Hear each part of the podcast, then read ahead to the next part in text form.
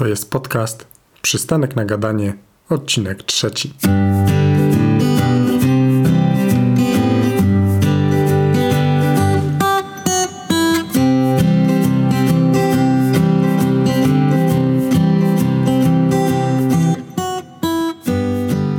Cześć, witam Cię serdecznie w trzecim odcinku podcastu.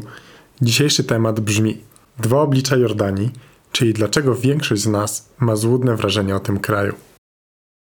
Jordania stała się ostatnimi czasy bardzo popularna, głównie za sprawą Ryanaira, który otworzył tam trasy już z 12 krajów, w tym z Polski. Od nas możemy tam dolecieć z Warszawy i z Krakowa. Jordania przyciąga do siebie turystów, szczególnie Petrą, która należy do jednego z siedmiu cudów świata, ale przyciąga także Morzem Martwym, przepysznym jedzeniem i tą wschodnią kulturą Orientu. Oczywiście te klimaty też zainteresowały mnie, dlatego postanowiłem się tam wybrać. Moja podróż odbyła się w lutym 2019 roku, czyli lekko ponad rok temu.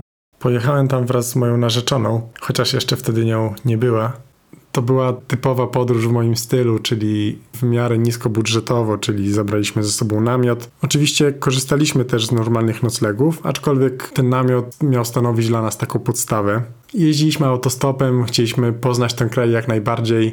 Spędziliśmy tam raptem 8 dni, aczkolwiek to wystarczyło, aby poznać Jordanię trochę bardziej niż tylko z perspektywy kilkudniowego turysty. I o tym chciałbym Wam dzisiaj opowiedzieć jakie dostrzegaliśmy różnice między tymi miejscami najpopularniejszymi, a tymi, gdy wyjechaliśmy z miasta, oddaliliśmy się trochę od tych atrakcji i obcowaliśmy trochę bliżej tej lokalnej kultury.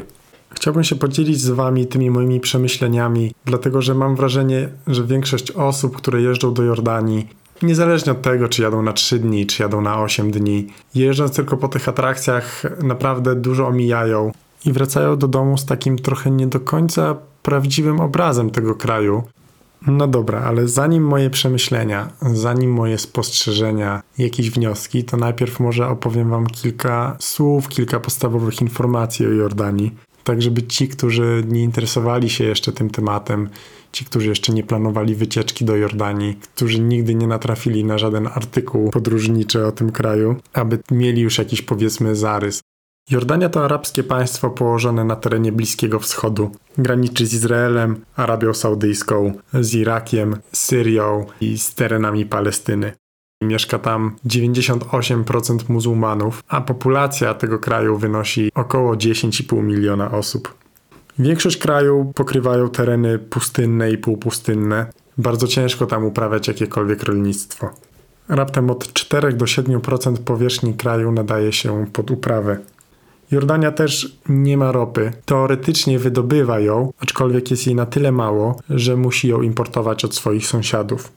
Ropą Jordanii są turyści. Jordania na terenie Bliskiego Wschodu jest uznawana za jedno z bardziej stabilnych państw, stąd ostatnimi czasy bardzo rozwija się tam turystyka. W samym 2019 roku Jordanię odwiedziły 2 miliony 300 tysięcy turystów, a dochody z turystyki stanowią 20% PKB tego kraju. I w zasadzie nie ma się co dziwić, że turyści tak licznie przybywają do Jordanii. Jordania oferuje takie atrakcje jak Petra, która jest jednym z siedmiu starożytnych cudów świata, ale nie tylko. Na terenie Jordanii znajduje się Morze Martwe, które jest najbardziej zasolonym jeziorem na świecie. Można się tam położyć i czytać gazetę leżąc w wodzie.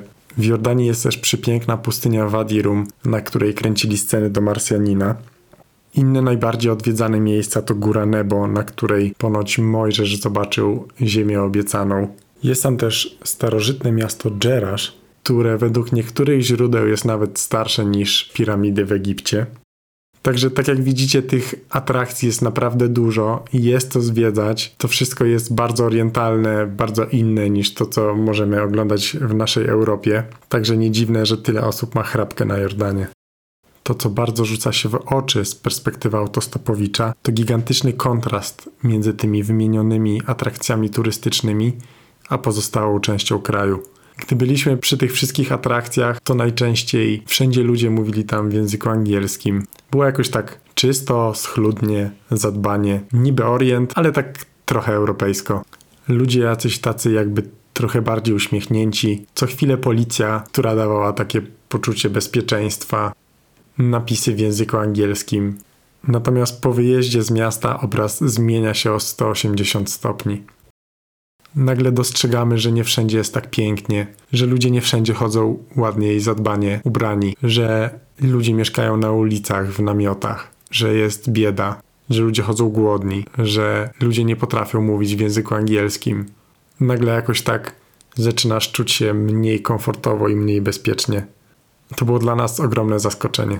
Na początek opowiem Wam o naszej pierwszej historii, która jakoś tak mam wrażenie, że uwarunkowała nasze myślenie i nasze poczucie bezpieczeństwa w tym kraju. Gdy tylko wyjechaliśmy z góry Nebo, która była tak naprawdę jedną z pierwszych atrakcji na naszej drodze, dojechaliśmy do małej mieściny, w której bieda unosiła się w powietrzu. Gdy kierowca wysadził nas z samochodu, wysiedliśmy szukając dogodnego miejsca do łapania kolejnego autostopu. Nie musieliśmy długo czekać, aż jedna pani z dzieckiem na rękach, z bosymi stopami, ledwie ubrana w podartą sukienkę, podeszła do nas i zaczęła prosić nas o pieniądze. Było to trochę przerażające, nie tylko sam fakt całej sytuacji, ale także ci wszyscy ludzie, którzy leżeli pod namiotami po drugiej stronie drogi. Nawet ciężko jest mi opisać te namioty. Trochę tak wyobrażam sobie fawele, czy jakieś takie biedne miejsca w krajach trzeciego świata. Gdy próbowaliśmy odejść od tej pani, to zaczęła za nami iść. Po chwili zaczęły biec za nami jakieś dzieci i rzucać w nas kamieniami. Naprawdę się wtedy mocno przestraszyliśmy. Odeszliśmy tak daleko i tak szybko, jak tylko mogliśmy, a strach towarzyszył nam już do końca całego dnia. W końcu udało nam się opuścić to przeklęte miejsce i dojechaliśmy do Morza Martwego. I tutaj chciałbym się zatrzymać, ponieważ jeżeli ktoś z Was kiedyś był w Izraelu, to pewnie wyobraża sobie Morze Martwe jako piękne, ładne plaże, bardzo często z żółtym, sypkim piaskiem. Często na plażach prysznice ze słodką wodą, żeby się wykąpać. Natomiast po stronie Jordanii to wygląda zupełnie inaczej ciężko tak naprawdę się wykąpać. Większość linii brzegowej jest zajęta przez nowoczesne, drogie, cztero- i pięciogwiazdkowe hotele dla turystów zachodnich. Hotele oferują przepyszne jedzenie, spa, kąpiele błotne, ale tak naprawdę jest to zamknięte miejsce, taka bezpieczna przystań, zupełnie inna niż cały kraj. Długo czytałem w internecie, próbowałem znaleźć jakieś takie miejsce, gdzie będziemy mogli się normalnie wykąpać, z dostępem do słodkiej wody, abyśmy mogli się później przepłukać z tej soli. Musiałoby być to bardzo nieprzyjemne i bardzo swędzące. I znalazłem takie jedno miejsce w internecie, nawet nie w polskiej blogosferze, a gdzieś tam w angielskiej, że ponoć jest jeden taki fragment plaży, gdzie można spokojnie podejść i tam wpływa słodka rzeka do jeziora, dlatego można spokojnie się później w niej opłukać. Jeden z naszych kierowców, który totalnie nie mówił po angielsku nawet jednego słowa, zawiózł nas tam i nawet zaproponował, że się z nami przejdzie. Wyglądał bardzo sympatycznie, młody chłopak, około, ciężko powiedzieć, 16, może 20, 20 lat, może 22, raczej nie więcej. Wyciągnął z bagażnika sziszę, przeszedł się z nami na plażę. Nawet planował się z nami chwilę wykąpać, ale gdy tylko zobaczył, że oprócz nas jest kilka osób jeszcze na plaży, to zasugerował nam, abyśmy kąpali się oddzielnie. Powiedział, że dla naszego bezpieczeństwa lepiej, żeby Zuzia nie wchodziła razem ze mną, mimo że oficjalna wersja była taka, że jest już moją żoną. No i wyobraźcie sobie, jak my się musieliśmy wtedy poczuć, jakby dopiero co uciekliśmy z tej strasznej drogi, z tej strasznej mieściny, gdzie opaliśmy stopa. Cieszyliśmy się, że może to jest tylko jedno takie straszne przeżycie, ale już będzie tylko lepiej. A ten chłopak nam mówi, żebyśmy się razem nie kąpali, bo będzie to niebezpieczne. W zasadzie nawet nie tyle mówi, co pokazuje, bo tak jak wspomniałem, nie mówi on nic po angielsku. Oczywiście my się przestraszyliśmy i żadne z nas się finalnie nie wykąpało. A te osoby chodzące po plaży patrzyły na nas takim trochę strasznym wzrokiem. Może nam się tylko wydawało, ale wtedy mieliśmy takie odczucie. Dzień zbliżał się ku końcowi i prawdę mówiąc nie do końca wiedzieliśmy, co mamy zrobić ze sobą. Mieliśmy namiot, więc tak naprawdę wszędzie można się rozstawić, ale trochę się baliśmy. Ten dzień był jakiś taki ciężki, trudny. W zasadzie nigdy jeszcze nie miałem tak, żeby się bać w podróży. Może to dlatego, że byłem z osobą, na której mi tak bardzo zależy a wcześniej często podróżowałem sam lub z kolegami. Gdy rozmawialiśmy z Zuzią o noclegu, to wtrącił się nasz kierowca. Jakoś tak od słowa do słowa wyszło, że on chciałby nam zaproponować nocleg u siebie. Trochę korzystałem z Google Translatora, aby z nim rozmawiać, aczkolwiek było to o tyle ciężkie, że ja mogłem tłumaczyć z angielskiego na arabski, natomiast on nie mógł do mnie pisać z arabskiego na angielski, ponieważ nie miałem zainstalowanej arabskiej klawiatury. Aby się dogadać, nawet zadzwonił do jednego ze swoich kolegów, przepraszam, braci, i z nim przez chwilę rozmawialiśmy po angielsku. Okazało się, że zapraszają nas do siebie, więc my zostaliśmy trochę złapani na haczyk. Ucieszyliśmy się, że będziemy mieli bezpieczne miejsca do spania, że nie będziemy musieli rozbijać się w pobliżu takich namiotów i faweli, z jakimi mieliśmy do czynienia wcześniej tego samego dnia, i z wielką chęcią przyjęliśmy zaproszenie. Ten chłopak pokazał mi na mapie, gdzie jest miejscowość, w której mieszka. Okazało się, że dokładnie w tą stronę, w którą zmierzamy. Także spakowaliśmy się, wsiedliśmy do samochodu i pojechaliśmy. Wtedy jeszcze nie czułem żadnego strachu, żadnego zaniepokojenia, ale gdy jeżdżę autostopem, to mam bardzo często taki zwyczaj, że monitoruję mapę. Zawsze mam na telefonie zainstalowane mapy offline, dzięki którym mogę patrzeć, gdzie jadę, czy mój kierowca gdzieś nie zbacza z trasy, czy wszystko jest w porządku. I wtedy ta mapa mi się bardzo przydała, chociaż trochę napędziła mi strachu. Gdy już zbliżaliśmy się do miejscowości, o której powiedział kierowca i ten chłopak przez telefon, że tam mieszkają, znowu zobaczyliśmy te straszne namioty. Na szczęście przejechaliśmy obok nich i wjechaliśmy do miasta. Ku naszemu zdziwieniu kierowca nigdzie w mieście się nie zatrzymywał. Myśleliśmy, może mieszka gdzieś na obrzeżach. Tyle, że wyjechaliśmy z obrzeży i zobaczyliśmy znowu podobne namioty. Tutaj też tak wtrącę, że najwyraźniej dosyć dużo ludzi mieszka po prostu w takich prymitywnych warunkach w Jordanii. Ale tak naprawdę teraz zaczyna się ten najstraszniejszy dla nas wtedy moment. Wyjechaliśmy z miasta, jechaliśmy jakąś polną drogą. Do końca nie wiedzieliśmy nawet gdzie. Próbowałem rozmawiać z tym chłopakiem, próbowałem go prosić, aby pokazał mi, gdzie mieszka, aczkolwiek on tylko uśmiechnięty jechał przed siebie do przodu. Baliśmy się Zuzią strasznie. Co gorsza, na naszej mapie offline zniknęła droga, a tak naprawdę nigdy wcześniej mi się to nie przydarzyło. Maps mi pokazuje w Norwegii nawet ławki, nawet często pokazuje znaki albo jakieś drzewo, atrakcje, wszystko. Jest to bardzo szczegółowa mapa. Jeżeli ktoś z Was korzystał, to na pewno o tym wiecie. Jak byłem w Kazachstanie i Kirgistanie, to też naprawdę pokazywała nam wszystko. A tym razem droga zniknęła z mapy. Przez pewien moment myślałem, że jedziemy na śmierć. Wolałem nie myśleć, co nam się stanie. W pewnym momencie nawet powiedziałem głośnym, zdecydowanym głosem: Stop! Aczkolwiek nasz kierowca dalej uśmiechnięty jechał przed siebie. Wtedy już nie wiedziałem, co robić. Nie wiedziałem, czy mam wyskakiwać z tego samochodu, czy, czy mam się modlić, czy wysyłać SMS-y do mamy, do przyjaciela, ale po prostu dojechaliśmy. Wtedy zobaczyliśmy namiot. Z namiotu wyszło trzech chłopaków. I kierowca pokazał, że tutaj właśnie mieszka. Byliśmy przerażeni.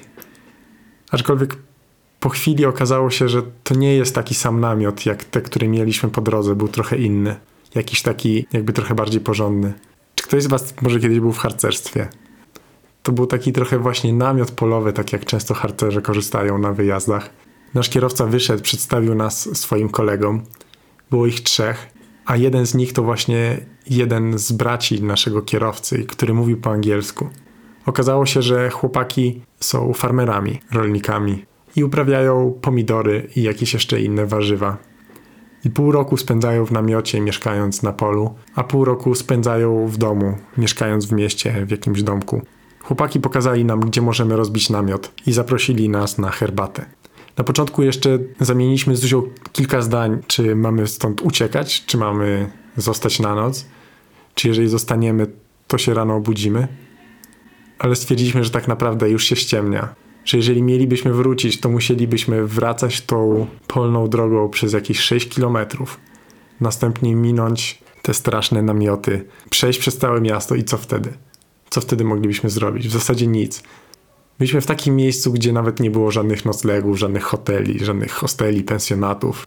Nie mieliśmy wyjścia, musieliśmy zostać na noc. Chłopaki zrobili nam herbatę.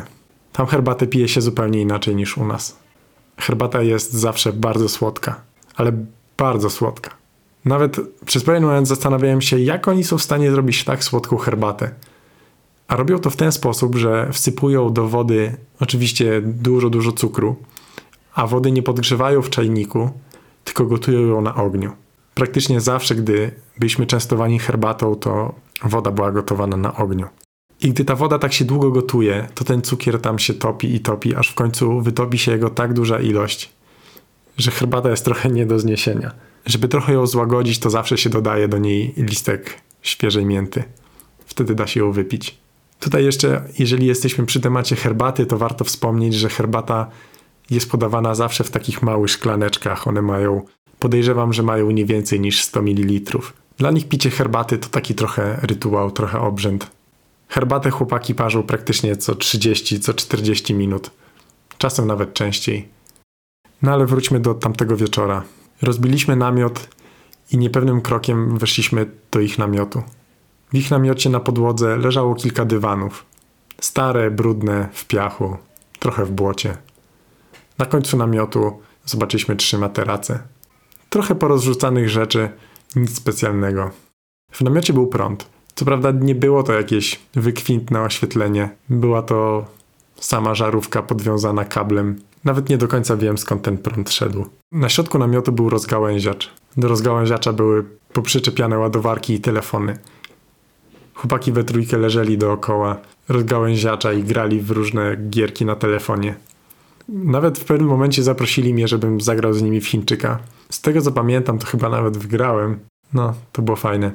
Co jeszcze się wtedy działo? W pewnym czasie chłopaki zapytali nas, czy jesteśmy głodni. Zaproponowali, że zrobią kolację. Jeden z nich wsiadł do samochodu, podjechał do miasta, wrócił po jakichś 15 minutach z takimi arabskimi chlebkami. W Polsce byśmy nazwali to pitą. Był też humus, jakaś przetworzona szynka. Usiedliśmy na podłodze, na tym dywanie w namiocie i zjedliśmy razem. Pamiętam, tak mnie to wtedy uderzyło, że, że oni mają tak niewiele. Mieszkają w takich, można by powiedzieć, nędznych warunkach, a podzielili się z nami jedzeniem. To było naprawdę bardzo miłe. Po pewnym czasie rozmów, w zasadzie rozmów, rozmawialiśmy tylko z jednym z tych chłopaków, tym, który mówił w języku angielskim, reszcie ewentualnie tłumaczył. Kontynuując wypowiedź o warunkach, w jakich żyli, to chłopaki nie mieli tam dostępu do bieżącej wody. Obok namiotu był wykopany duży dół. Był na tyle duży, że zmieściłby się tam samochód. Dół był wyłożony folią i był cały zalany wodą. Była tam podłączona pompa, z której wychodziła woda na pole. Tą wodą nawadniali swoje uprawy, ale także ją pili, brali ją do mycia się. Przed namiotem było miejsce na ognisko. Na tym ognisku parzyli herbatę i przyrządzali różne potrawy. Wszędzie był bałagan, dużo śmieci. Nie tylko butelki, nie tylko plastiki i tworzywa, ale także te organiczne. Tam jakoś nie przywiązuje się wagi do porządku i do czystości. Wszędzie latały muchy. Gdy siadaliśmy to, gdy siadaliśmy do picia herbaty, to muchy były wszędzie na nas. Pamiętam nawet zrobiłem takie zdjęcie, jak mam całe nogi w muszkach. Ciężko było się ich pozbyć. Na początku próbowałem z nimi walczyć, aczkolwiek była to syzyfowa praca. Trzeba się do tego po prostu przyzwyczaić. Wieczór spędziliśmy na rozmowach. Graliśmy na telefonie w Chińczyka i bardzo dużo rozmawialiśmy z tym chłopakiem, który mówił w języku angielskim. Dowiedzieliśmy się bardzo dużo o tej ich kulturze. Dowiedzieliśmy się na przykład, że jeżeli chłopak chciałby poślubić jakąś kobietę, to musi najpierw pójść do domu i zapytać jej ojca o pozwolenie. Dopiero po jego zgodzie może się spotkać z córką. Zasiadają oni wtedy do stołu w jednym pokoju z rodzicami panny młodej, potencjalnej panny młodej, i wtedy dopiero mogą porozmawiać, poznać się. W naszym świecie jest to w ogóle nie do pomyślenia. Co nas jeszcze bardziej zszokowało, to to, że młode pary nie mogą razem wyjść na miasto, nie mogą razem się spotkać. Nie mogą wyjść nawet na zakupy, już nie mówiąc o jakiejkolwiek imprezie. Jedyna możliwość na spotkanie się to, gdy młody chłopak odwiedzi swoją przyszłą żonę w jej domu, pod okiem jej rodziców. Dla mnie to jest jakieś niewyobrażalne. Mieliśmy ogromne szczęście, bo ci chłopcy byli tacy bardzo tradycyjni, nawet powiedziałbym, że radykalni. Rozmawialiśmy na wiele tematów. Nie mieliśmy tematów tabu. Rozmawialiśmy o alkoholu, o modlitwach, o różnicach między nami, między nimi, o religii. Dowiedzieliśmy się, że każdy z nich jest stuprocentowym abstynentem i nigdy w życiu nie pił alkoholu. Powiedzieli, że gdyby którykolwiek z nich napił się alkoholu, to ich ojciec by ich zabił. I bynajmniej nie była to przenośnia, tak jak często u nas się mówi, jak zrobię imprezę, to rodzice mnie zabiją. Oni mówili to całkowicie poważnie. Dowiedzieliśmy się też, że jeżeli młody mężczyzna chce poślubić jakąś kobietę, to musi być zamożny. Żaden z nich nie miał jeszcze żony. Ten chłopak, z którym rozmawialiśmy w języku angielskim, mówił, że próbował dwa razy, ale za każdym razem jego prośba była odrzucana z tego względu, że nie miał wystarczającej ilości pieniędzy. A nie miał, mimo że pracował. Pracował ciężko. Dużo pracował na polu. Był to też wykształcony chłopak. Skończył uniwersytet. W innej porze roku pracował w szkole jako nauczyciel i uczył języka angielskiego. A mimo to nie było go stać na posiadanie żony. Wydaje mi się, że mimo tego wszystkiego, mimo tych ciężkich warunków życia, mimo tej biedy, oni byli szczęśliwi. Nie gnali do przodu, nie ścigali się, spędzali czas razem, na świeżym powietrzu. Żyli jakoś tak spokojniej. Chłopaki byli bardzo szczęśliwi z tego, że nas przyjęli. Widać, że naprawdę się cieszyli naszą obecnością. Najbardziej nam ulżyło w momencie, gdy pozapraszali nas na Facebooka. Wtedy wiedzieliśmy, że już są ślady i raczej nie mają złych intencji. Swoją drogą jest to trochę straszne, że byliśmy tak uprzedzeni, że mieliśmy na początku takie złe zdanie. Byliśmy trochę przerażeni. No ale wracając. Chłopaki na tyle się cieszyli, że nawet pozapraszali różnych gości. Pamiętam, że tamtego wieczora przyjechało jeszcze kilku chłopaków. Byli to głównie rolnicy z okolicznych pól. Różni bracia. Ta trójka, z którą siedzieliśmy w namiocie, to byli trzej bracia z jednego ojca, ale każdy z innej matki. Po kilku filiżankach herbaty, po długich rozmowach, poszliśmy do namiotu spać. Wbrew naszym wcześniejszym czarnym wizjom obudziliśmy się rano. Rano jeszcze przyszło kilka osób i próbowali nas pozapraszać na swoje farmy, chcieli nas oprowadzić i pokazać, jak oni żyją, jak wyglądają ich pola. Aczkolwiek nie mieliśmy czasu, więc musieliśmy jechać dalej. Żal nam było się rozstawać, aczkolwiek też trochę pędziliśmy do przodu, aby zdążyć wszystko zobaczyć. Dostaliśmy jeszcze torebkę pełną pomidorów. Jeden z chłopaków odwiózł nas do miasta, następnie wysadził nas na wylotówce i sam zaczął łapać nam stopa. Tam jest to bardzo popularne. Transport publiczny praktycznie nie istnieje, przynajmniej między takimi małymi mieścinami. Ludzie raczej jeżdżą prywatnymi marszutkami i zabierają potrzebujących, albo łapią stopa. Także nasz kierowca złapał nam stopa i mogliśmy jechać dalej. To całe wydarzenie było dla nas bardzo unikalnym doświadczeniem. Wcześniej jeździłem autostopem przez 5 lat. Tak naprawdę nigdy wcześniej nie miałem żadnej niebezpiecznej sytuacji. Zawsze spotykałem miłych i naprawdę fantastycznych ludzi na swojej drodze. Zresztą tak samo jak i teraz. Aczkolwiek mocno uśpiło to moją czujność. Ta cała historia pokazała mi, że zawsze trzeba trzymać się na baczności i nawet jazda autostopem może człowieka mocno zaskoczyć. Często wydawało mi się, że gdy będę śledził mapę, to tak naprawdę jestem w stanie wszystkiemu zapobiec. A ta historia pokazała mi, że bardzo często w ogóle nie mamy żadnego wpływu na to, co się z nami stanie, więc po prostu jesteśmy mocno uzależnieni od tego, do jakiego samochodu wsiądziemy. Czy zmieniło to jakoś moje podejście do dalszej jazdy autostopem? Dzisiaj dalej nim jeżdżę. Od Jordanii tak naprawdę już zrealizowałem kilka autostopowych wypraw, aczkolwiek podczas tamtego wyjazdu już mieliśmy trochę tego dość. Trochę się wystraszyliśmy, nawet powiem szczerze, że całkiem bardzo się wystraszyliśmy. Chyba jeszcze kilka razy jechaliśmy autostopem, ale w zasadzie staraliśmy się już jeździć marszutkami i takimi lokalnymi busikami. Jeżdżenie lokalnymi busami też może być fajnym doświadczeniem. Jadąc autobusem poznaliśmy takiego jednego chłopaka, który jechał z uniwersytetu do siebie do domu na południe kraju. Wymieniliśmy się numerami, tak w razie czego. Później się okazało, że mieszka nieopodal pustyni Wadirum, którą planowaliśmy zwiedzić. Na tej pustyni jest organizowanych wiele komercyjnych, bardzo ciekawych wycieczek. Można się przejechać po niej jeepem i zwiedzić różne miejsca. Można przejechać się wielbłądem. Niektóre biura oferują możliwość noclegu w namiotach, niektóre w trochę bardziej luksusowych warunkach. I my jakoś tak napisałem do tego chłopaka, czy byłby w stanie nam coś polecić, coś doradzić. I okazało się, że zaproponował nam, że może nas przewieźć po tej pustyni. Oczywiście za jakąś tam opłatą. I dzięki takiej zwykłej rozmowie w autobusie, dzięki takiemu zaciekawieniu się drugą osobą, mieliśmy okazję wybrać się z nim na tą wycieczkę. To było niesamowite. Zabrali nas, zabrał nas z bratem na taką całodniową wycieczkę jeepem po pustyni. Oczywiście zakończyła się ona noclegiem na środku pustyni. My mieliśmy swój namiot, on miał swój namiot, do tego jeszcze była z nami trójka poznanych Polaków. Serdecznie pozdrawiam Darka, Igora i Monikę. Ta wycieczka na pustynię była naprawdę niesamowita. Znowu mieliśmy okazję spędzić trochę czasu z lokalnymi mieszkańcami. Podczas tej wycieczki kilkukrotnie widzieliśmy, jak chłopaki modlą się w ciągu dnia. Nam szykowali na przykład jedzenie, a sami w tym czasie odchodzili kawałek, rozkładali specjalny dywanik i zaczynali się modlić. Wieczorem, gdy już byliśmy wszyscy zmęczeni, gdy rozłożyliśmy namioty, jeden z nich pojechał do domu i wtedy ich żony przygotowały nam posiłek. Pamiętam to oczekiwanie, byliśmy wszyscy strasznie głodni, to był naprawdę bardzo męczący dzień. Praktycznie od rana jeździliśmy cały czas po tej pustyni. Doskonale pamiętam ten moment, gdy chłopaki przywieźli jedzenie. Przywieźli je na takim gigantycznym talerzu. Rozłożyli oczywiście na podłodze dywan.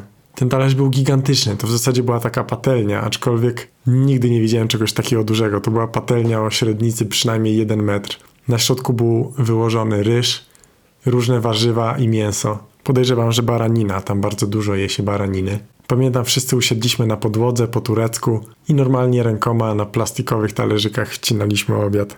Dzięki temu, że poznaliśmy tego chłopaka w autobusie, dzięki temu, że wymieniliśmy się numerami, że byliśmy przez te kilka dni w kontakcie, mieliśmy okazję pojeździć z nimi po tej pustyni. Zabrali nas w miejsca, których często nie odwiedzają turyści. I myślę, że naprawdę mieliśmy wiele szczęścia, dlatego że zwiedzanie pustyni samemu na nogach jest praktycznie niemożliwe. Jest to gigantyczny teren, którego nie sposób byłoby przejść. Jedyny sposób, jak można po niej jeździć, jest to jeep z napędem na cztery koła i lokalny przewodnik ze znajomością terenu. A przyznam szczerze, że średnio kręcą mnie takie wycieczki, gdy jeździ się z kilkunastoma turystami, wszyscy z dużymi aparatami, wszyscy gdzieś z telefonami, każdy zajęty sobą. Tutaj mieliśmy tak okazję chłonąć to w każdym momencie.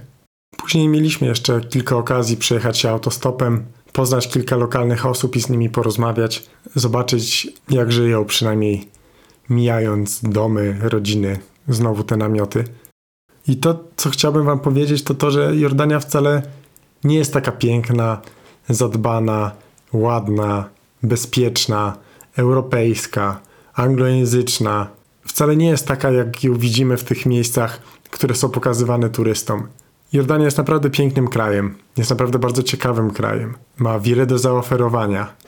Ale to nie jest tylko tych pięć miejsc najpopularniejszych, które odwiedzają większości turystów. Jordania to biedny kraj. Według Banku Światowego 18% Jordańczyków żyje poniżej kwoty 5,5 dolara dziennie. To naprawdę jest mało. Oficjalne bezrobocie w kraju to 18,5%, ale nieoficjalne źródła mówią nawet o 30%. Jordania nie jest skrajnie biednym krajem. Powiem więcej, na tle Bliskiego Wschodu wypada całkiem nieźle. Jest to trzeci najbardziej wolny ekonomicznie kraj. Jest to jeden z najbardziej liberalnych krajów arabskich, jakie w ogóle istnieją. Jordania ma, można powiedzieć, nawet w miarę pozytywne stosunki z Izraelem, bardzo dobre stosunki ze Stanami Zjednoczonymi, ale nie jest tak kolorowo, jak wydaje się nam po zobaczeniu tylko tych najpopularniejszych miejsc. I pamiętajmy o tym nie tylko jeżdżąc do Jordanii, ale gdziekolwiek podróżując na świecie. Mam wrażenie, że często podróżując nie widzimy pewnych rzeczy, nie widzimy ich dlatego, że nie chcemy ich zobaczyć. Warto czasem się zatrzymać, zejść ze szlaku i poznać kraj trochę bliżej. I mi też często bardzo trudno jest szukać tych alternatyw. Też tak naprawdę często rozplanowując moje wycieczki, zaczynam od tych najpopularniejszych miejsc, bo to na te miejsca natrafiam w internecie. I serdecznie każdemu z Was bardzo polecam zobaczenie Jordanii. Na pewno wybierzcie się do Petry, wybierzcie się na pustynię Wadi Rum. To chyba było miejsce, które zrobiło na mnie największe wrażenie. Ale pamiętajcie o tym, że Jordania to nie tylko te atrakcje. Zatrzymajcie się na chwilę, wejdźcie do jakiejś lokalnej restauracji. Nie kręćcie się tylko wśród Europejczyków. Zgubcie się czasem na straganie, zgubcie się w Wammanie. Poznawajcie kraj tak, jak chcielibyście go poznawać. Odkrywajcie go po swojemu, nie róbcie nic na siłę. Cieszcie się nim tak, aby zapamiętać go na długo. Mam nadzieję, że pandemia szybko przeminie, że loty znowu zostaną wznowione. Polujcie na bilety do Jordanii, bo naprawdę można bardzo tanio je znaleźć. Jeżeli mielibyście jakiekolwiek pytania, potrzebowalibyście jakiejkolwiek porady podróżniczej, to śmiało piszcie do mnie na Facebooku. Ja zawsze chętnie odpowiadam, zawsze chętnie doradzę. I to chyba wszystko, co chciałbym dzisiaj powiedzieć. Także serdecznie dziękuję, że wytrwaliście ze mną do końca. Życzę Wam miłego dnia i do usłyszenia w następnym odcinku.